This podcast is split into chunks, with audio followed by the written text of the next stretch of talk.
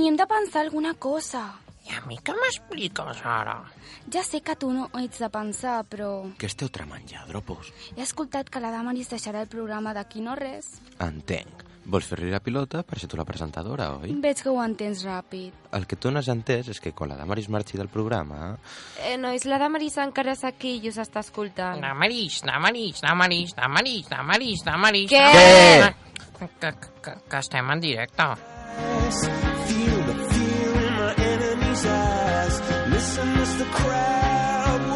Bona... Bona... Gràcies, tècnic. Tècnic, quan t'ha pagat aquesta per a que li facis cas? Saps que jo et puc donar al poble, el que vulguis. Sí, sí, calla. Em, bona tarda a tothom, això és Radio Mollet i nosaltres som l'edat del pavo. Bona tarda, nois. És un ídol que us, balla, que us baralleu. La Damaris va ser la padawan de l'Alba i jo sóc de la Damaris, així que està claríssim, és obvi, vaja, que jo seré el, propi, el pròxim i últim presentador de l'edat del pavo. No t'ho creus ni tu, noi. Qui és l'Alba? Ai, què fas? Es nota que no va conèixer l'Alba. Era tota una mestra utilitzant el fuet. Estava com una cabra. Realment feia por.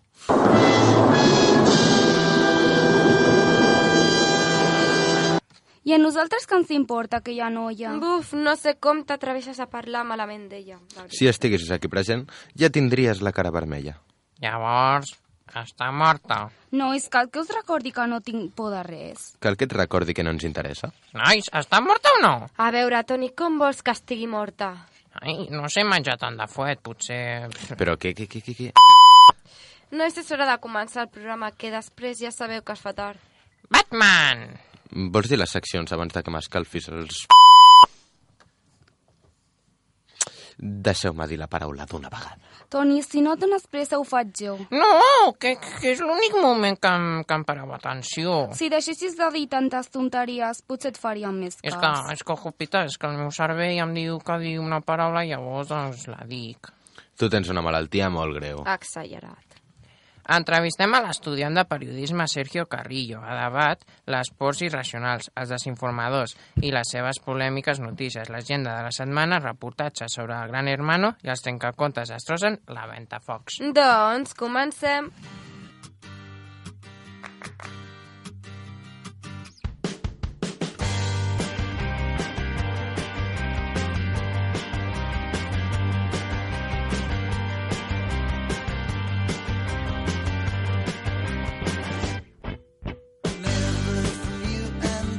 Bona tarda, això és l'entrevista. La ment és com un paracaigudes, només funciona si la tens oberta. Ja es nota que la teva està ben tancada, eh? Doncs sí, la veritat és que sí, ben tancada, amb clau i tot. És verdad, és verdad. Eh, no us passeu! Ho sento. No et perdono. Quina mala persona, ets molt tancada de ment, eh? Ja ho deia jo. Et calles? Perquè el que sí que tenim obert és el món de les oportunitats. Per què? Per marxar d'aquí? No, per poder aconseguir els nostres somnis. Per un cop estic d'acord amb tu. És inevitable no estar-ho. I qui és un expert en perseguir els seus somnis és el nostre següent entrevistat.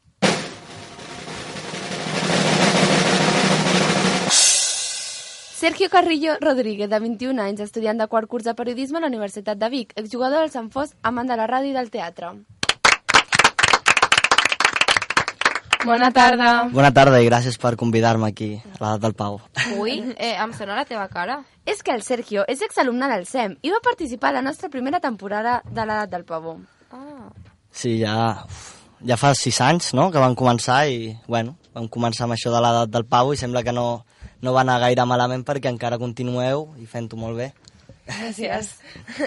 I com va ser la teva edat del pavo? Jo podria dir que encara estic a l'edat del Pau.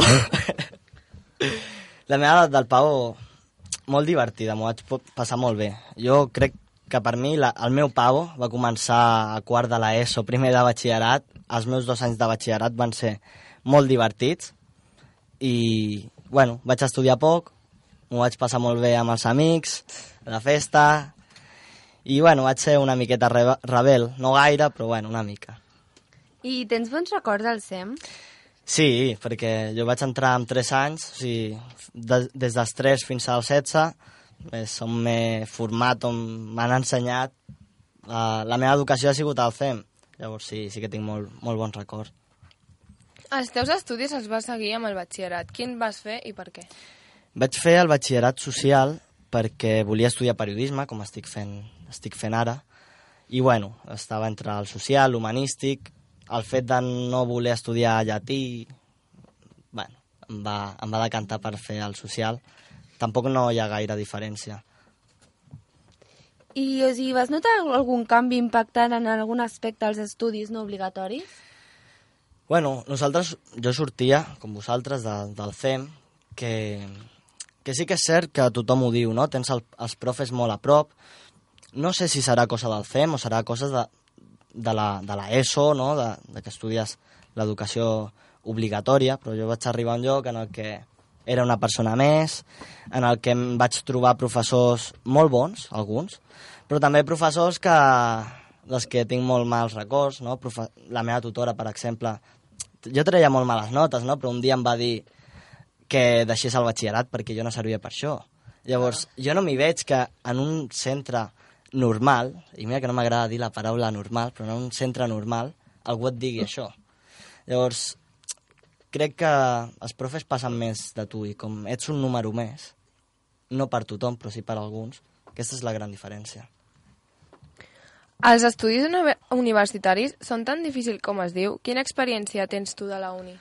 Jo, abans d'entrar a la universitat, jo veia la meva germana estudiar moltíssims, enciclopèdies de psicologia enormes, i jo no m'hi veia. Jo tampoc no sóc tan bon estudiant, no, és que m'atabalen tantes lletres.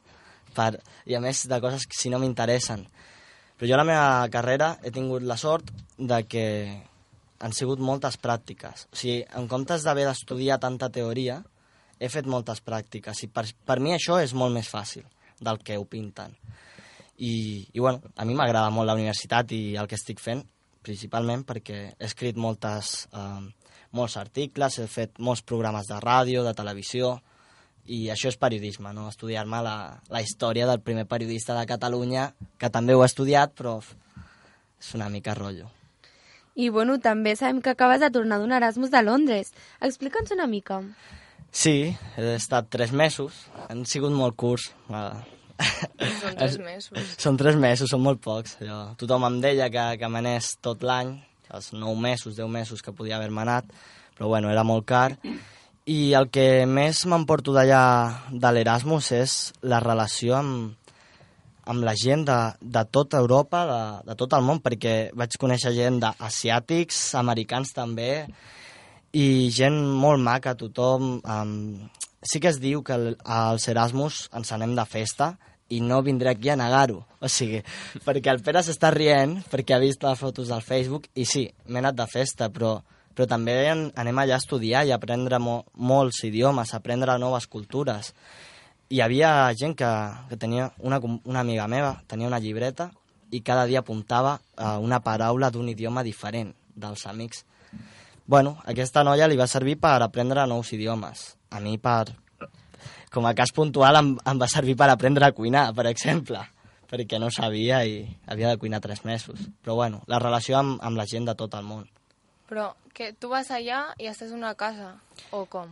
Jo, jo vaig anar allà a la residència de la universitat, però a diferència de la residència, almenys de la de Vic, que és on jo estudio, eh, allà la residència era una habitació i una cuina on compar nosaltres compartíem cuina 10 persones.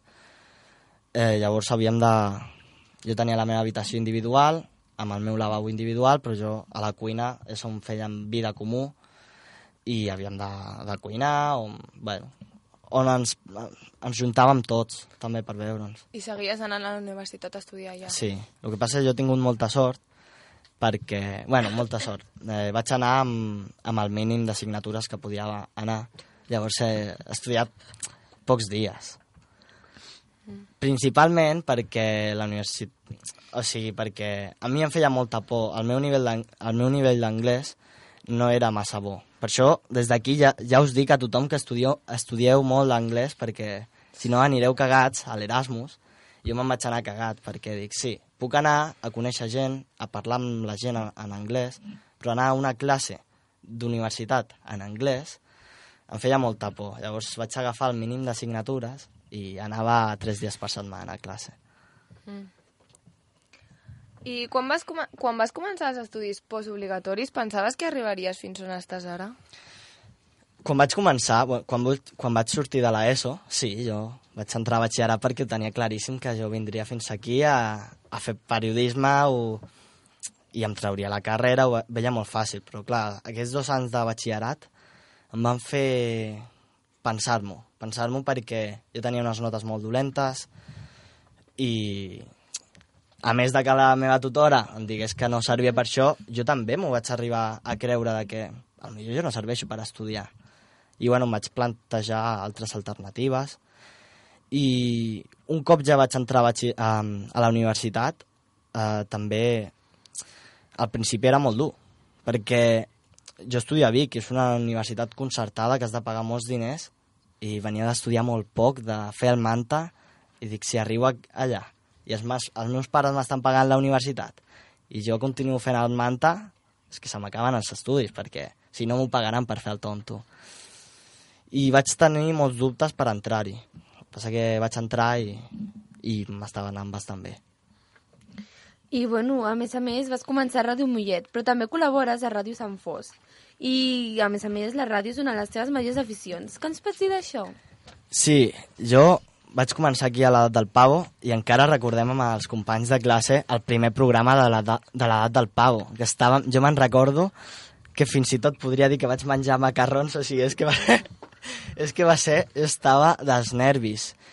I, i cada dia que va, anava passant deia, si és que és, és la meva segona vida, o sigui, em tiro la setmana preparant un programa perquè el divendres, o sigui, ho, ho deixo anar tot i m'ho passo també aquí a la ràdio i, i al principi, quan jo quan feia ràdio, era molt... Seguir, seguir el guió, com feu vosaltres, i de debò, no, no, no ho canvieu. O sigui, ara mateix no, no ho canvieu perquè és molt difícil. Però jo quan vaig entrar a Ràdio Sant Fos, jo arribo allà el primer dia i em diuen hem d'omplir dues hores. I jo, molt bé, i, i el guió? Què és això? No, tenim quatre pautes i, i anem parlant, anem, fa, anem fent debats i el que, el, que, el que surti. I les coses, o sigui, no m'ho creia, però les coses anaven sortint. I sense guió van sortint coses molt maques, coses molt, molt bé. El que passa que has de tenir quatre pautes. O sigui, amb el full blanc, no, perquè també ho hem fet i han sortit una patata.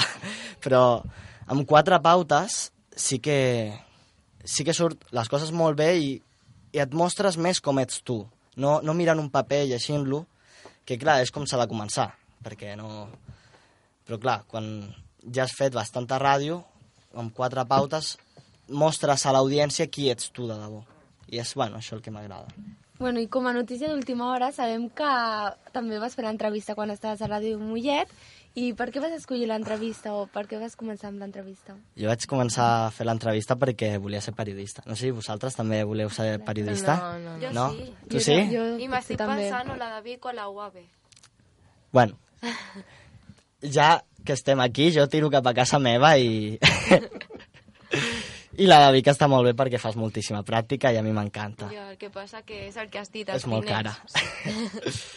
Però bueno, vaig, vaig fer l'entrevista perquè era el que veia més de, de periodista.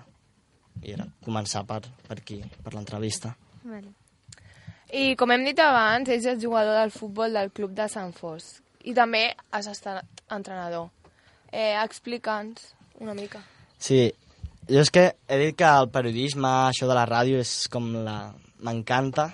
Però jo, el del periodisme, va sorgir el periodisme perquè jo era molt dolent jugant a futbol. O sigui, jo volia ser futbolista. Però és que ja m'hi vaig adonar que al Camp Nou no... O, o seria allà a les cabines de retransmissió dels partits o... I per això vaig decidir ser periodista. El futbol és que 12 anys jugant a futbol i, i més anys jugant-hi cada dia amb els meus cosins que vivim al costat, és que era cada tarda jugant a futbol. Tota, tota la vida he jugat a futbol i ara que no, no jugo uf, es, troba a faltar. I aquest any que m'he anat d'Erasmus tampoc he pogut entrenar els nanos, que també m'agrada. Jo ho noto, trobo a faltar. Quan puc vaig a veure els amics, vaig a veure els nens jugar a futbol, els del Sant Fos, perquè, perquè és el que he estat fent durant 14 anys i més anys. Des de petit Jo crec que des dels 3 anys que vaig anar a viure a Sant Fos, cada, cada diumenge estava al camp de futbol a, amb el meu pare. O sigui, és el que he fet sempre. I a tu què t'aportava jugar al futbol? Una descàrrega d'adrenalina que total. I més ara, que quan fas batxillerat, la universitat, quan, que tens més problemes, mm, més dubtes, quan jo tenia més dubtes de batxillerat, eh, anar a futbol era descàrrega total, de, arribava molt ratllat a casa i, i ho deixava tot allà al futbol, fotent quatre patades, passant-m'ho genial amb els amics, amb els companys, i, i això. Doncs molt bé, ara passem a les preguntes ràpides. Les has de contestar el més ràpid possible, d'acord? Vale. Android, O iOS. Android. llibre que recom recomanaries? La casa de cristal. Assignatura maleïda. Uf, a batxillerat filosofia i, i a la universitat economia. Persona admirada? Mm, no sé, uh, tothom que m'ha ajudat en aquesta vida es mereix la meva admiració. Jo crec que desitges viatjar. Vull tornar a Londres amb els meus amics d'allà de l'Erasmus. Identificat amb algun animal? no ho sé, amb els gossos, m'agraden molt els gossos, no ho sé. Un valor que sempre tens en ment. La, um, no ho sé. Um, la solidaritat. Descriu el periodisme amb una paraula. Solidaritat també amb la teva audiència. Llengua que voldries parlar. El francès, l'any vinent vull començar a estudiar francès. I per últim, un consell que els, per als futurs estudiants de periodisme. que realment es creguin que, que podem... Es diu a la carrera, a la universitat, que, que podem canviar el món, els periodistes, i jo crec que és cert perquè eh, som els que, els que informem a la gent què està passant. Si jo ara surto amb els problemes que estem tenint ara mateix i li dic a la gent que estem molt bé, que estem sortint de la crisi i que tot anirà de conya, no, no anirem bé. Però si jo faig un anàlisi ben, ben estructurat i li mostro a la gent els punts positius de, de tot. Si podem treure el cas de la independència, perquè és un cas que a mi m'agrada molt treure en això, si jo tinc l'opinió que tingui, surto i dic a la gent que això són, aquests són els punts positius i, aquest, i aquests són els negatius, perquè de tots, de absolutament tot, trobarem aspectes positius i negatius, potser influiré una mica a la gent, ja no perquè pensi com jo, sinó perquè, perquè pensi. Simplement, si la gent pensa, jo ja sóc feliç. Bé, doncs moltes gràcies per haver vingut. Ha estat tot un plaer. Moltes gràcies a vosaltres. Veus, Arnau, nosaltres dintre de poc també farem els nostres somnis realitat. Quanta subjectivitat. Marxeu ja si no voleu que us trenqui el vostre conte de fades. Ens anem, però per fer-los realitat. Adeu. Però una cosa, recordeu el nostre Twitter, arroba l'edat del pavo.